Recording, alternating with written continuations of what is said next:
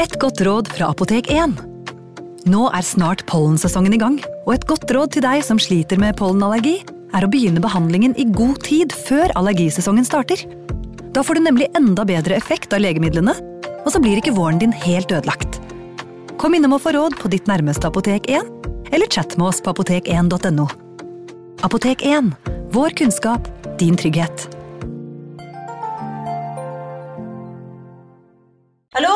Jeg kommer fra Oslo politikammer. Ine Jansen er purk. Er du purk? The motherfucking bitch. Alt jeg vil, er å finne ut hva som skjedde med mannen min. Jon Carew. Er jeg sikta for noe? Iben Akeli. Det er du. Ole So, Lars Berrum og Big Daddy Karsten. Hvem sin side er du på, egentlig? Anette Hoff, Tone Danielsen, Kommer du fra Afrika? Jørnis Josef, Nesten. Kløfta. Trond Espen Seim, Det er synd å si det, men det var feil mann som døde. Purk. Premiere tirsdag på TV2 Play.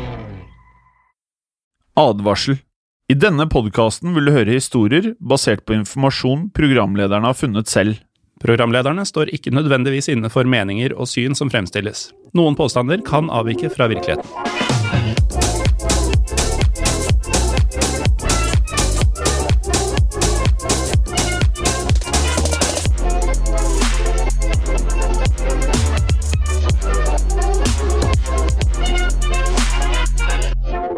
Velkommen til eh, Historiepodden. Vi sitter eh, fremdeles i eh, hver vår stue, vi, Morten.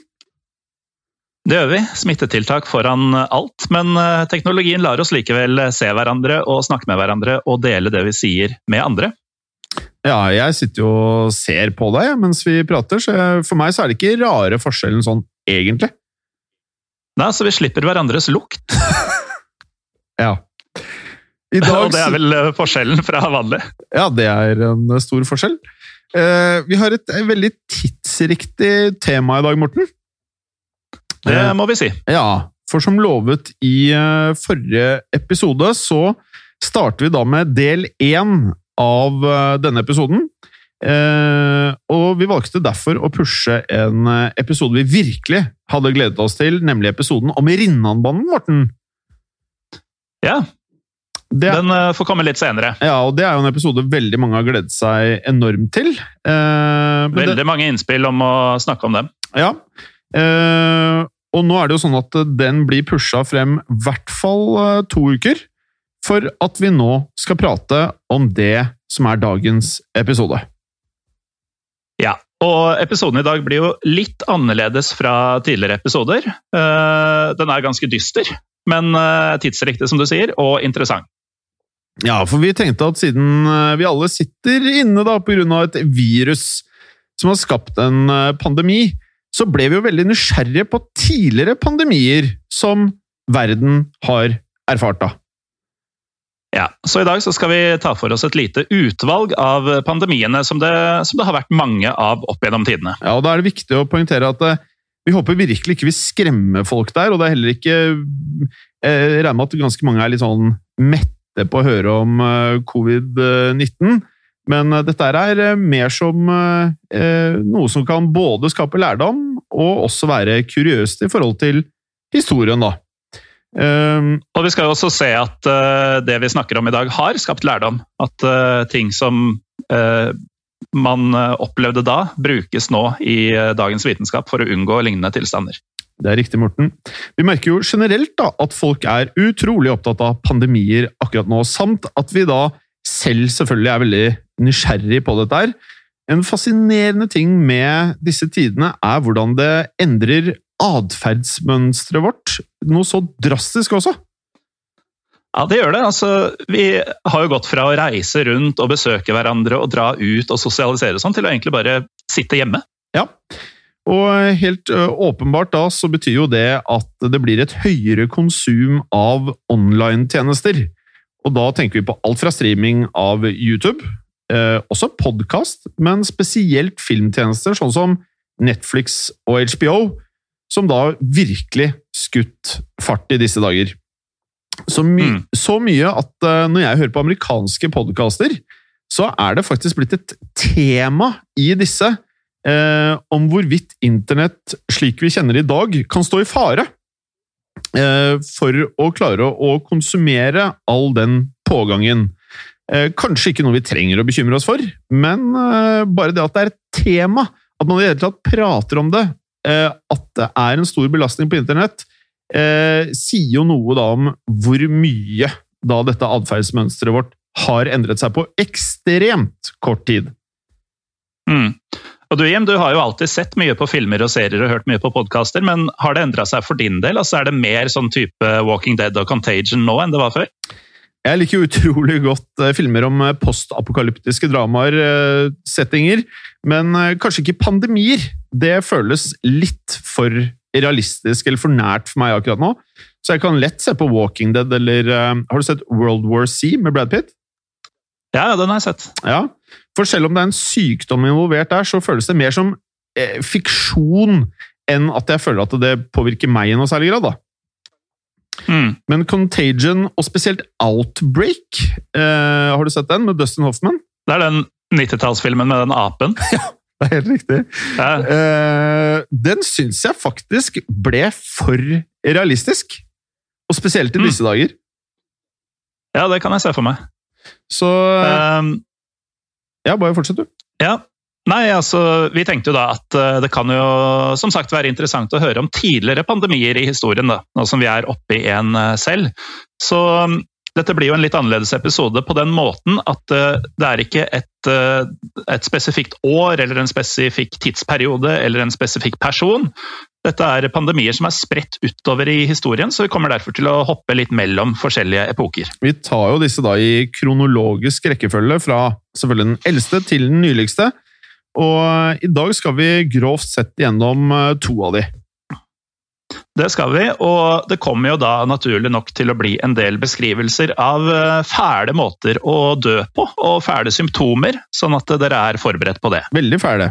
Helt først tenkte vi å ta den justinianske pesten, som var en eh, pandemi som rammet eh, det bysantiske riket under keiser Justinian 1., eh, som pesten da har blitt oppkalt etter.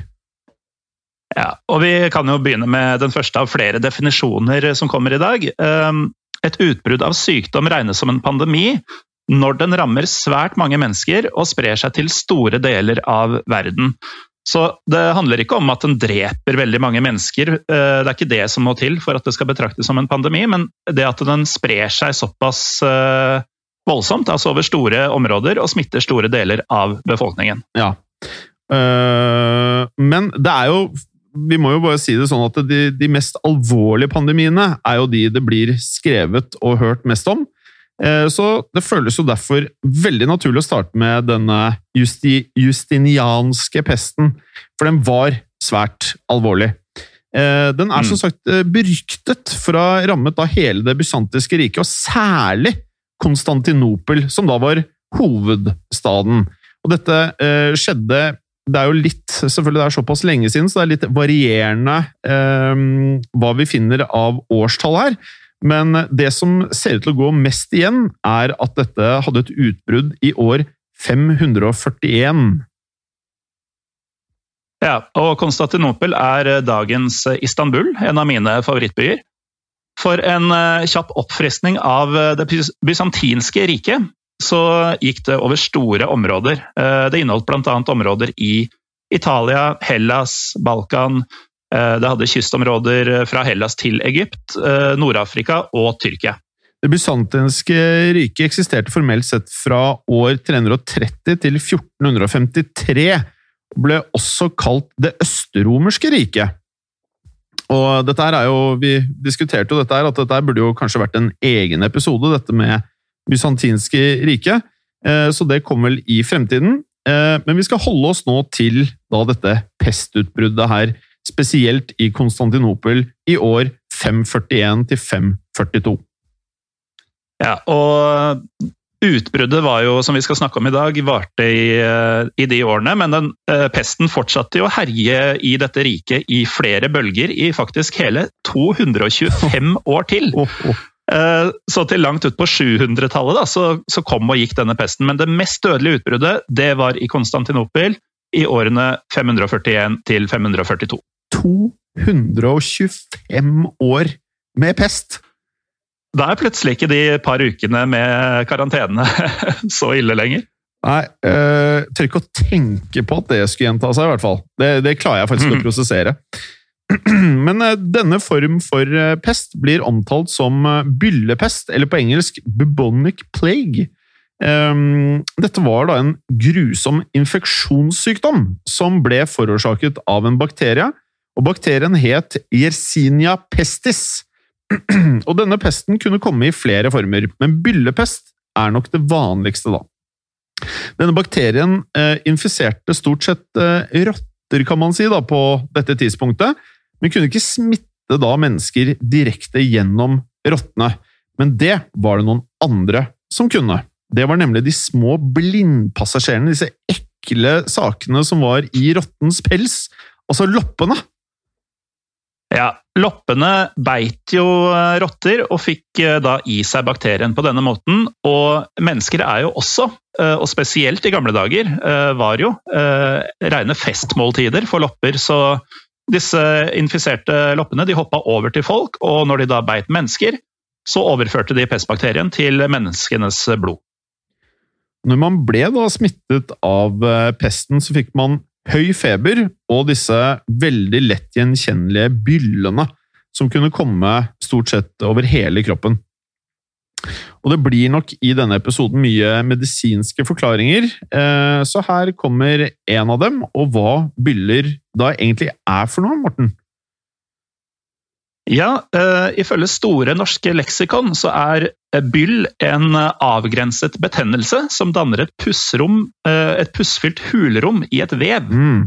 Pusset består av vevsrester, hvite blodceller og levende og døde bakterier. Og Slike byller ble, ble, synlige utenpå kroppen, og det gikk gjerne koldbrann i dem, slik at de ble mørke, nesten svarte. Ja, og dette her føles utrolig nok som en noe nøktern beskrivelse, mm. men allikevel en god beskrivelse av uh, da, ting man absolutt ikke vil ha. Uh, den siste delen der er ganske viktig, da, for i byllene var det nemlig disse bakteriene.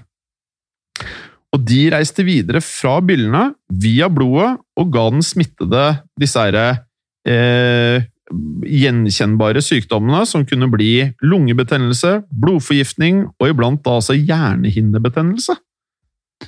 Ja, og dette var jo temmelig dødelige sykdommer og saker på denne tiden. Eh, ikke så alvorlig nå lenger, eh, hvis lyttere nå ble veldig bekymra.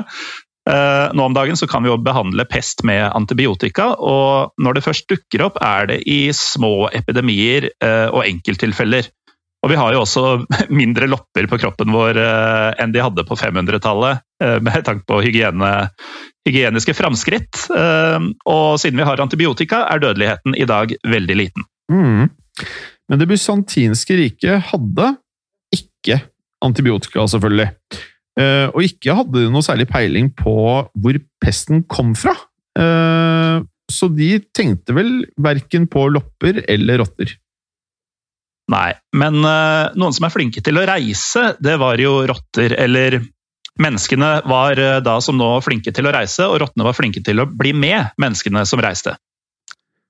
Og uh, pesten oppsto da litt som vi har opplevd i dag, i Kina og nordøstlige mm. India. Og så kom den seg etter hvert også da videre til Afrika, og da gjerne gjennom handelsruter over land og vann. Ja, og som du nevner, Jim, altså Den oppsto i Kina og nordøstlige India. og Disse pestene, pandemiene, epidemiene eh, de oppstår jo veldig ofte i disse områdene, eh, også i nyere tid. og Det har jo selvfølgelig mye med eh, befolkningstettheten og dyretettheten i disse områdene. Ja. Og Gjett hvem som brukte Nord-Afrika som sin hovedkilde da, til korn, som for øvrig er rotters da Det er i hvert fall sagt var rotters favorittmat. Det var hmm. nemlig det bysantiske riket. Ja, og de kjøpte store kornlagre fra Egypt. Eh, kornlagre som da ble fraktet med store skip og vogner til eh, riket. Og disse kornlagrene var jo da perfekte steder for rotter å både spise og formere seg. Og det samme gjorde da loppene i eh, pelsen til rottene. Litt før år 542 slo keiser Justinian tilbake diverse fiender i kriger, som da var kriger om kontroll over store landområder i det bysantinske riket. det ble da sendt kornforsyninger frem og tilbake, men også soldater som reiste frem og tilbake med selvfølgelig da mye lopper på, på kroppen og i klærne. Og de eh, loppene selvfølgelig da fikk jo da nye verter å hoppe frem og tilbake på, og slik startet det da. Og innen 542 så hadde keiser Justinian slått disse fiendene tilbake og gjenvunnet kontrollen over riket sitt, og det bysantinske riket gikk da inn i fredstider. Og Det førte jo til at soldatene de dro hjem, og mange dro til byene, spesielt da Konstantinopel, som var hovedsenteret for handel i riket.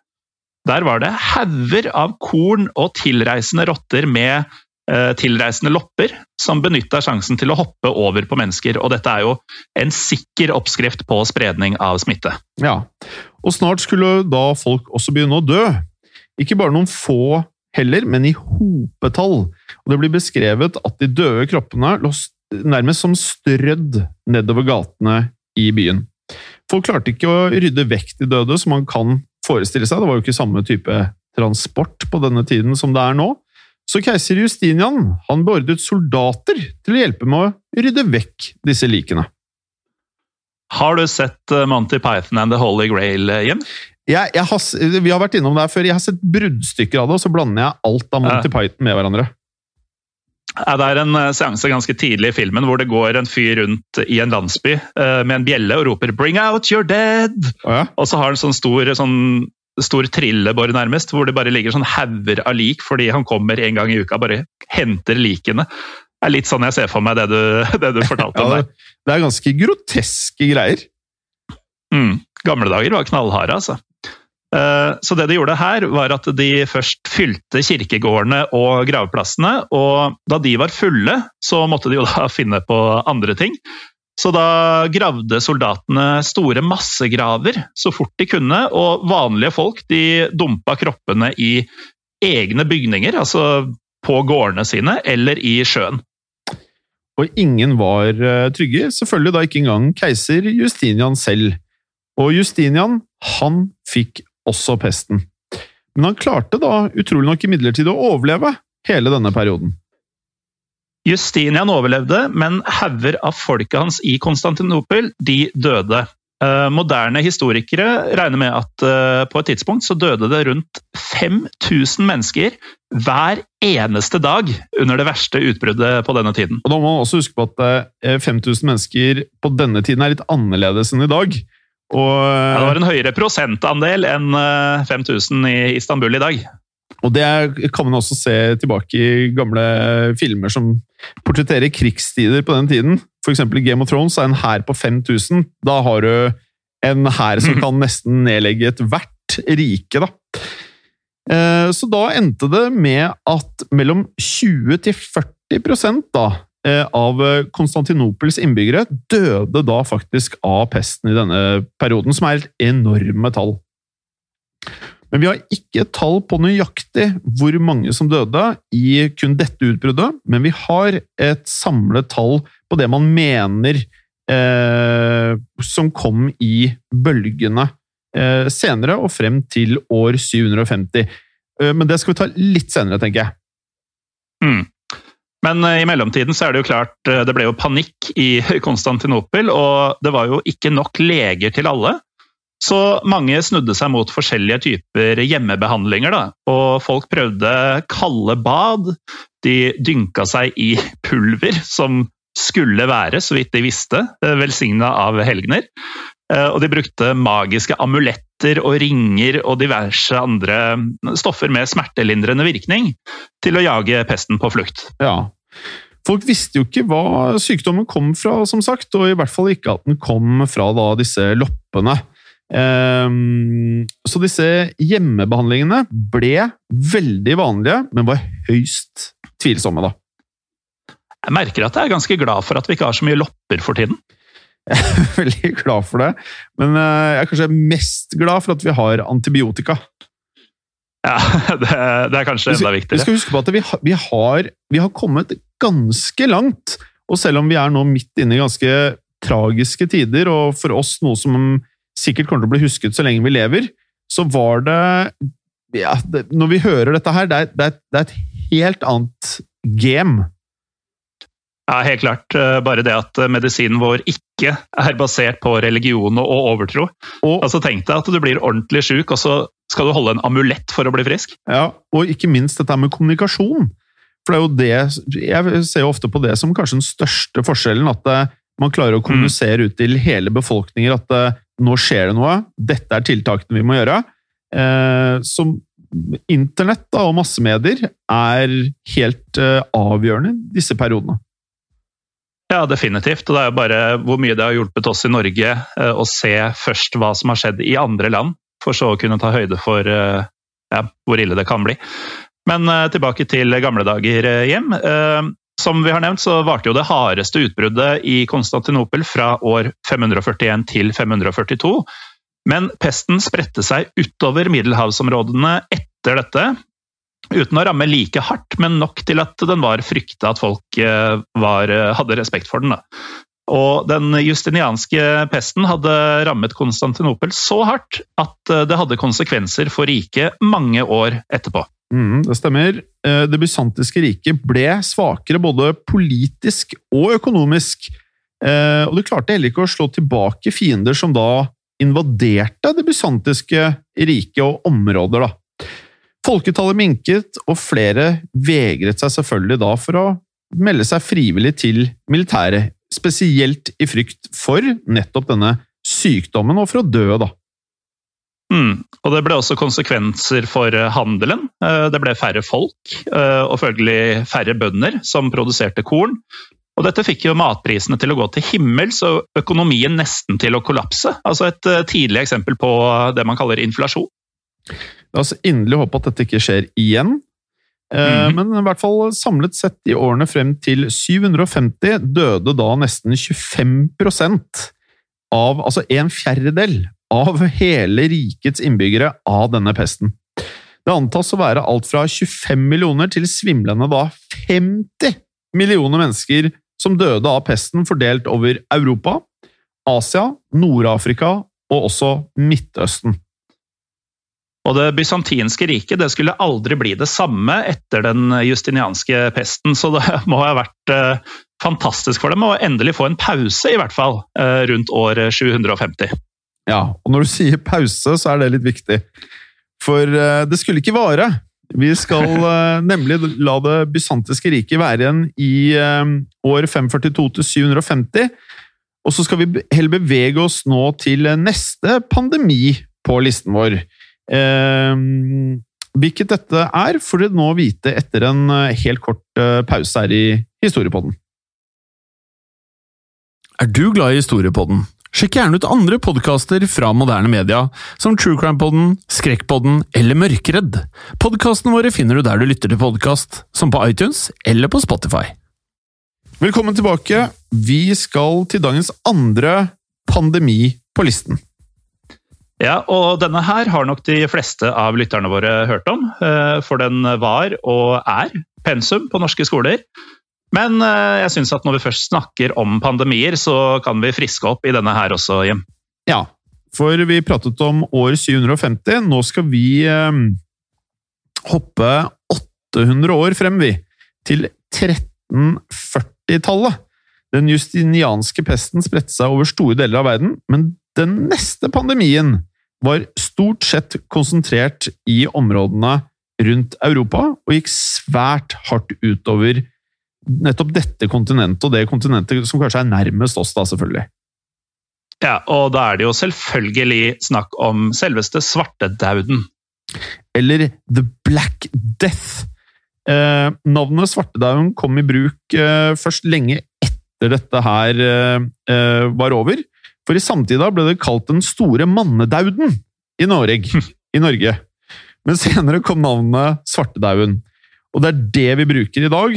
Navnet setter jo også litt stemningen for episoden. Og kanskje er det jo litt interessant for eh, yngre lyttere her, som kanskje ikke har hørt så mye om svartedauden, som ennå ikke har hatt det på skolen, men dette her eh, er noe vi har hørt om siden eh, vi gikk på skole selv, eh, Morten.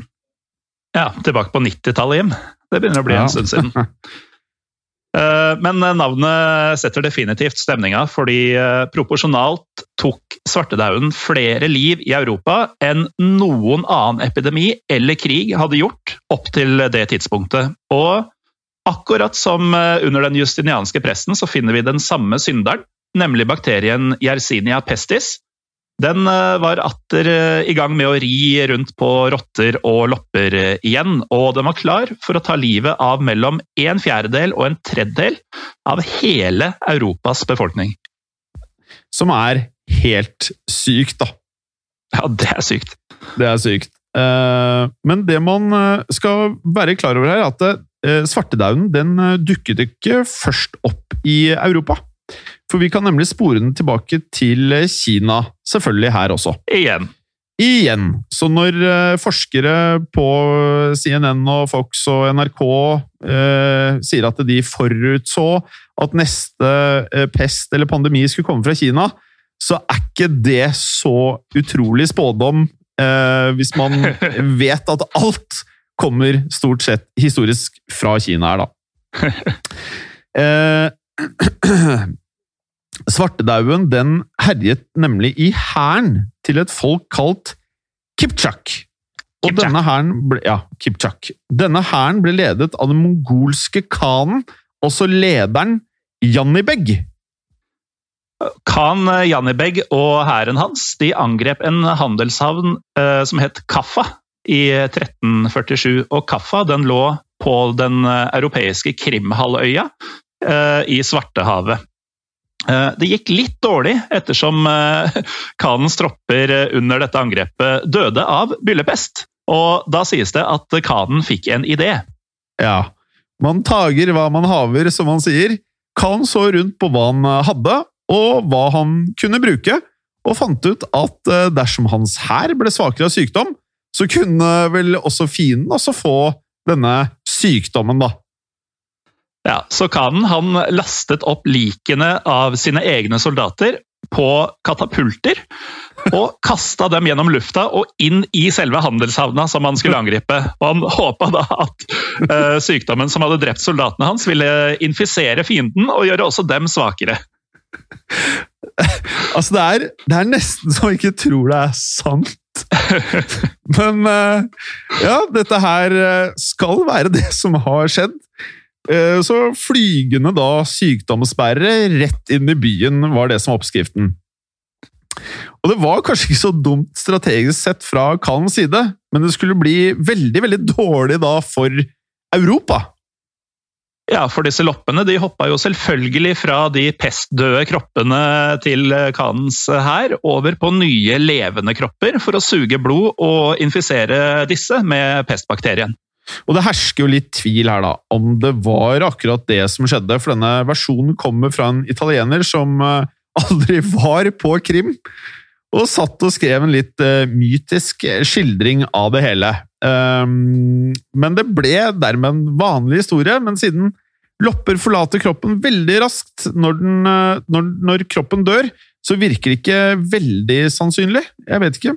Men vi ville ha med denne historien allikevel, og det er den Eh, jeg kanskje varmer meg mest til, da. Ja. Jeg bare ser for meg disse døde kroppene fly over sjøen der og inn i halva. Altså, det er uh, så Lord of the Rings, den siste filmen der, når de bare skyter av gårde på disse katapultene. Ja, ikke sant. Men uh, hvordan dette faktisk skjedde, det får forskerne bare diskutere videre. Uh, men jeg er helt enig i at den historien der måtte med, uansett om den er sann eller ikke. Eh, de som tviler på den historien, mener uansett at eh, pesten i det minste kom fra den beleiringshæren som det var snakk om. Eh, bare at den kom med smittebærende rotter som kom seg inn i byen på egen hånd uten disse katapultene. Ja. Og Kaffa var jo som nevnt en handelshavn, da. Det betyr jo selvfølgelig mye skip som går derfra og ut til andre havner andre steder i verden. Og disse handelsskipene de eh, seilte snart ut av Kaffa med mye sykdom om bord. Disse skipene dro til store havnebyer langs hele Middelshavet. Og på skipene var det da selvfølgelig lopper som bet seg fast i rottene, og både rottene og loppene formerte seg utrolig raskt, og med seg hadde de da pestbakterien. Og fra havnebyene så spredte pesten seg innover fastlandet. En, eh, en bølge av pest skylte over Europa, og pesten kom til Sicilia i 1347.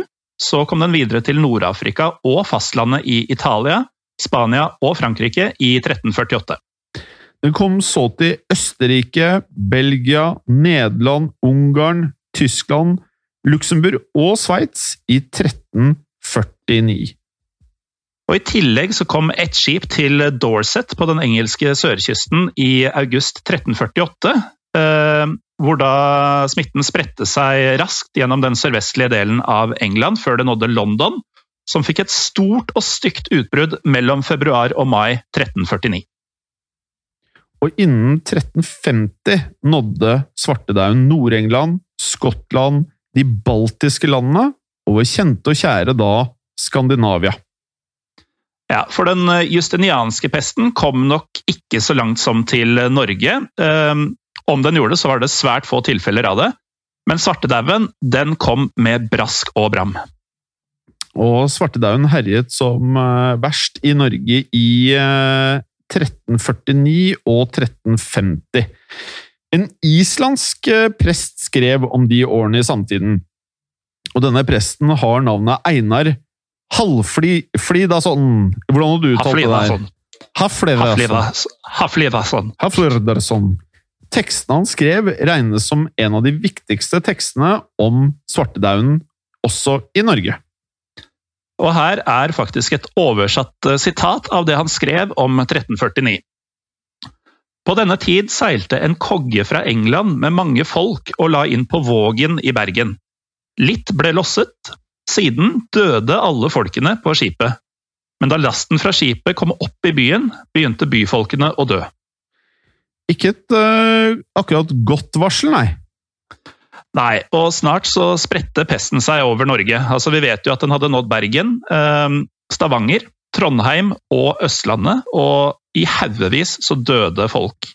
Og dette skapte enorm redsel, selvfølgelig. Eh, folk må jo nesten ha nærmest tro det var dommedag. Eh, I dag så har vi jo da som sagt denne kommunikasjonen som når alle på en gang. Hvor vi er informert og kan gjøre rasjonelle valg. Kanskje ikke alle gjør det, men en del gjør rasjonelle valg i disse tider. Vi har muligheten, i hvert fall. Vi har muligheten. Eh, men folk på denne tiden her Du og jeg hadde jo trodd at det var dommedag, Morten. Det er lett. Vi hadde jo bare sett på alle som falt som fluer, og ikke annet stort mer enn nestemann. Men som vi da husker fra andre episoder, så var Norge ofte på denne tiden i lag med Danmark eller Sverige, eller altså begge to. Akkurat på dette tidspunktet var Norge i union, skal vi huske da, med Sverige. Og daværende unionskonge, kong Magnus Eriksson, han satt i byen vi nå kjenner som Gøteborg, og kommenterte på hva folk burde gjøre. Og han sa følgende for menneskenes synders skyld har Gud kastet en stor pest ut i verden med brå død, slik at mesteparten av de folkene i landet som ligger vestenfor vårt land, er døde av pesten, som nå er brutt ut i hele Norge og i Halland, og som nå ventes hit. Ja, man antok ofte på denne tiden at store hendelser som dette var en slags straff fra Gud, så kongen sa at folket måtte stoppe pesten gjennom messer, faste ofring og høytidelige opptog. Ja, og jeg tror ikke pestbakterier merker om kroppen eh, de hadde infisert gikk i høytidelige opptog eller ikke. Uh, uansett så er jo det å samle seg for sånne ting det er jo stikk motsatt av det vi driver med for å begrense smitte i disse tider. Ja, stikk motsatt, faktisk. Så tilnærmingen vår i dag blir jo helt annerledes, som vi er inne på, og det er jo betryggende når man hører denne mm. episoden her. Så skal man huske på at eh, de tingene her er jo sterkt forsterket. Ikke bare at teknologien var dårlig, at man har dårlig medisin og kunnskap, men Ja, Morten? Ja, Da kan vi jo eh, ta med klisjeen om uh, altså hvorfor historiefaget kanskje er det viktigste på skolen. Da. Denne setninga om at uh, den som ikke kjenner historien, er dømt til å gjenta den. Og vi ja. kjenner denne historien, og derfor gjentar vi ikke disse feilene. Men det har skjedd. ja, og det kommer til å skje igjen. Ja. Når pestbærende lopper biter et menneske, da, så oppstår det ofte en sterk hevelse i en lymfeknute. Og det er dette som er den byllepesten som vi da snakket om tidligere. Personen vil da i man sier, mellom 30-60% av tilfellene dø i løpet av 3-5 dager, dersom da vedkommende ikke blir behandlet med det vi har pratet om, antibiotika. Antibiotika som de da ikke hadde på denne tiden. Men eh, det vi beskrev her, det var jo byllepest. Og kilder tyder på at det under svartedauden også var noen andre varianter av pest, altså samtidig. Eh, så mest sannsynlig så fikk folk også lungepest. Der eh, bakteriene samler seg i lungene og gir en sterk lungebetennelse. Og da hostet folk opp blod med bakterier i, og det var jo da dråpesmitte, som var veldig smittsomt overfor andre mennesker.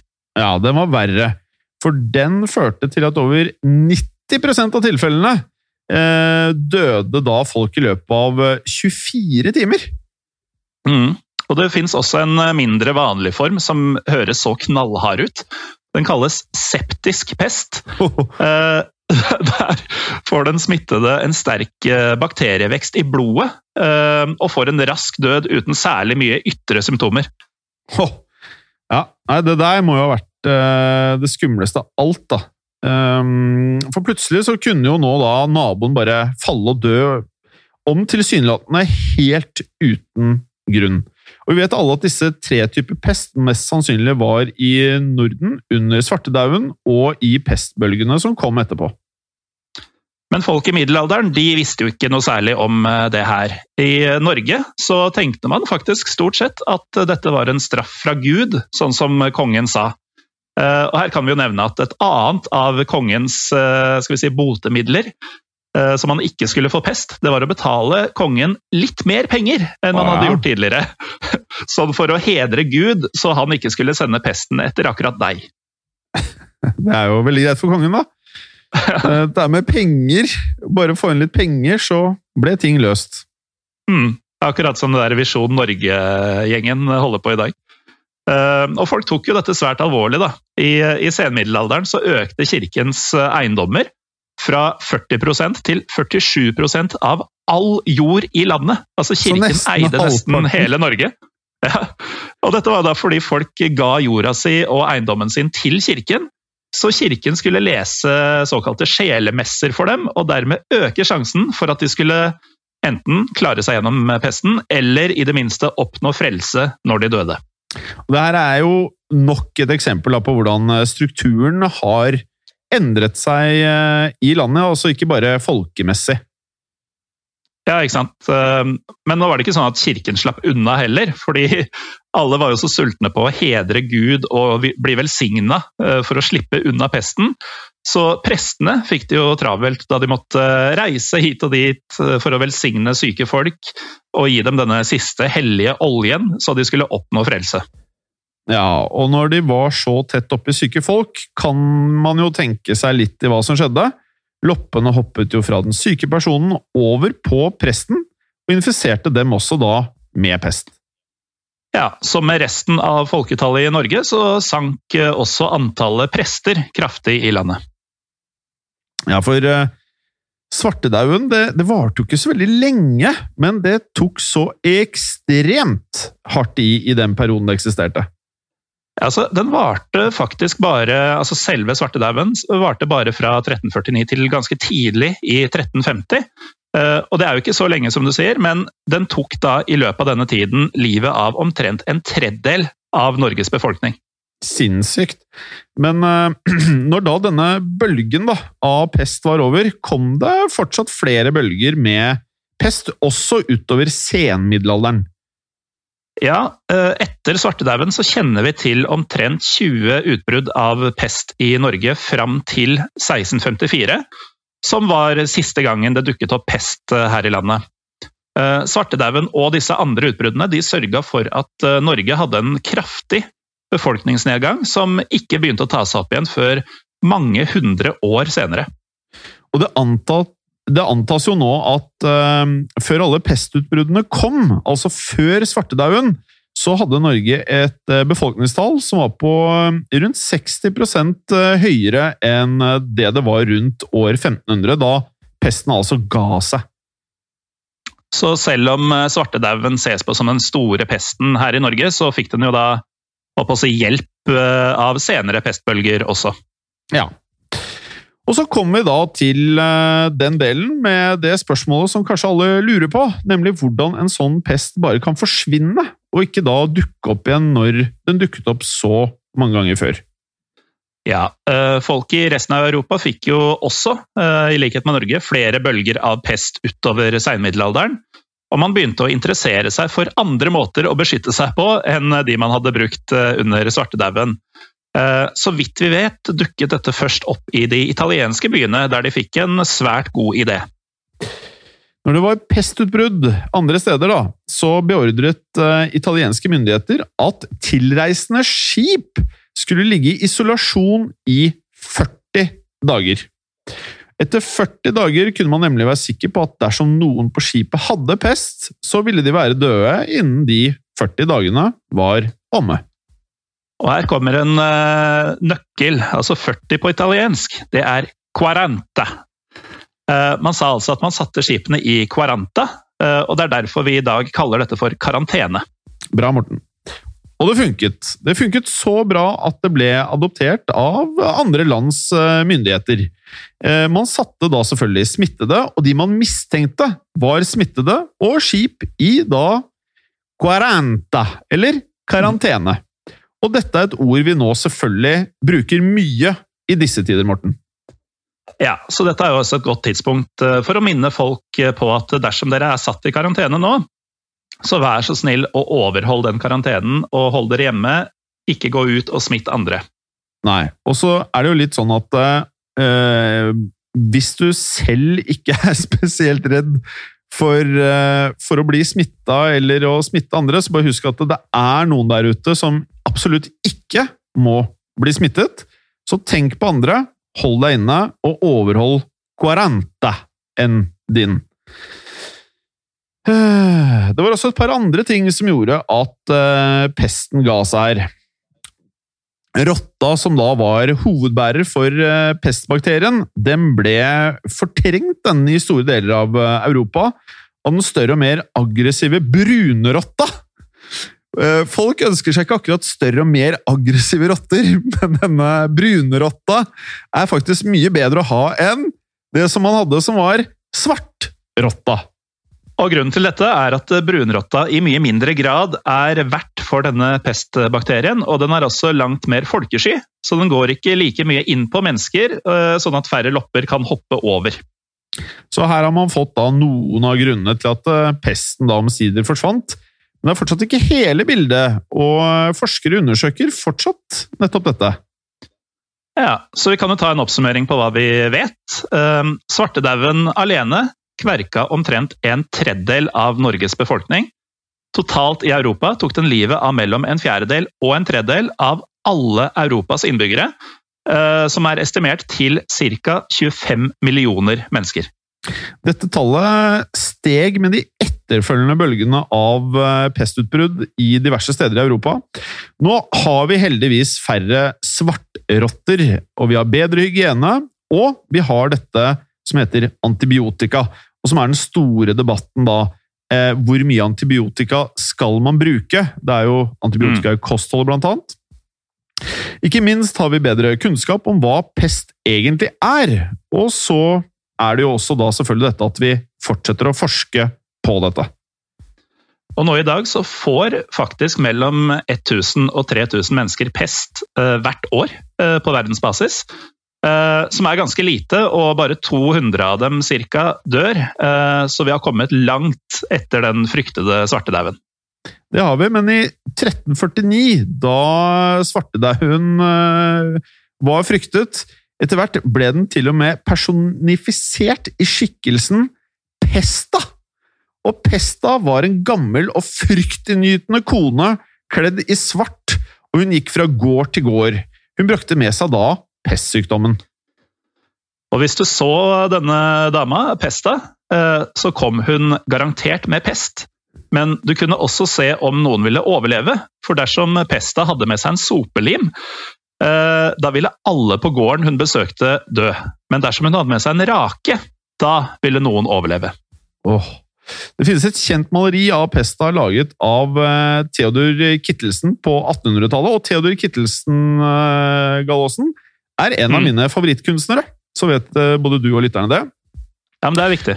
Ja, det er viktig. Eh, og jeg kan ikke mye om kunst, da. Det må jeg bare si. Men eh, Theodor Kittelsen er veldig, veldig, veldig bra. Dere finner dette bildet ved mm, å søke på pesta og svartedauden på internettet, som fremdeles fungerer veldig bra. Mm. Det kommuniserer litt av stemningen folk på 1300-tallet må ha levd under, på en god måte, som da var oppsummert i frykt og død.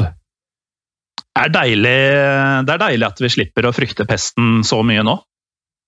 Det er deilig, selv om eh, jeg tror nok det er en del mennesker som eh, sitter der eh, hjemme og, har det ganske kjipt, da. Men eh, når man Mm. hører dette her, og det er det vi syns var litt spennende med disse episodene her, så vi er ikke i nærheten av eh, det vi prater om her, altså. I hvert fall ikke sånn du og jeg kjenner til situasjonen i verden i dag. Nei, altså Det som vi driver med nå, det å sitte hjemme og ikke sosialisere og ikke gjøre noe gøy, holdt jeg på å si, det er jo en irritasjon. Men jeg tar den irritasjonen tusen ganger før jeg har åpne byller i ansiktet og, og den slags. En annen irritasjon er jo der jeg bor, så nå har det ikke vært det siste uka, men eh, svært irritert ble jeg når jeg hørte at det var fest på andre siden av gaten, og det var masse folk som bare ikke brydde seg om dette her. Og sånne ting jeg, jeg, jeg forstår ikke hvordan man er skrudd sammen. Det er greit at man driter i det sjæl, men uh, når man hører denne episoden langt i fremtiden, så føler jeg at dette blir som en litt sånn tidskapsel. For når man hører denne episoden, så hører man jo også litt av frustrasjon man har Man føler selv da, at man gjør det man kan sånn for folk, liksom samfunnet. da. Og så har man noe som gir eh, litt F i det. Funker ikke. Det er ikke bra. Det er ikke, hør på historiepodden, hør på det her. Så ille kan det bli. Det blir jo ikke sånn, da. Eh, en av fordelene eh, av at vi vet så mye mer om sykdom enn vi gjorde under svartedauden og den eh, justinianske pesten, er at vi vet mye mer om hvordan vi skal beskytte oss mot sykdom. Nå er det riktignok ingen pest som herjer, men vi vet hva som skal til for å bremse da koronasmitte. Ja, Så nok en gang, eh, husk å unngå folkemengder. Ikke ha fest, uansett om du er nabo til hjemmet eller ikke. Eh, hold avstand til hverandre ute, vask hendene grundig. Eh, se på Ola Halvorsen-videoen til NRK hvis dere lurer på hvordan man skal vaske hendene. Og hold dere så mye hjemme som mulig. Og for å få tiden til å gå, så kan dere jo fortsette som dere gjør nå, med å høre på Historiepodden. Og følg oss gjerne på Instagram og Facebook under Historiepodden Norge. Og om du vil snakke mer om historie, har vi også denne Facebook-gruppen kalt Historie for alle, som nå er jeg tror det er 50 medlemmer unna 1000 stykk. Så kom gjerne på den og bli medlem der. Og eh, det som er gøy nå, er jo at eh, hver eneste uke så syns jeg aktiviteten øker i Historie for alle. Så jo flere vi er, jo mer skjer i Facebook-gruppen. Og jo fortere går tida fram til ting blir noenlunde normalt igjen. Eh, Vi håper at eh, dere likte denne pestspesialen vår. Eh, Neste uke så skal vi snakke litt mer om pandemier som ikke var forårsaket av pest. Så da, da høres vi neste uke, og husk at eh, det har skjedd. Og det kan skje igjen. I produksjonen av Historiepodden så ønsker vi å takke Håkon Bråten for lyd og musikk. Takk til Felix Hernes for produksjon. Takk til Ellen Froktenestad for tekst og manus. Og takk til deg, Morten Galesen, for programlederrolle. Og takk til deg, Jim Fosheim, for programlederrolle.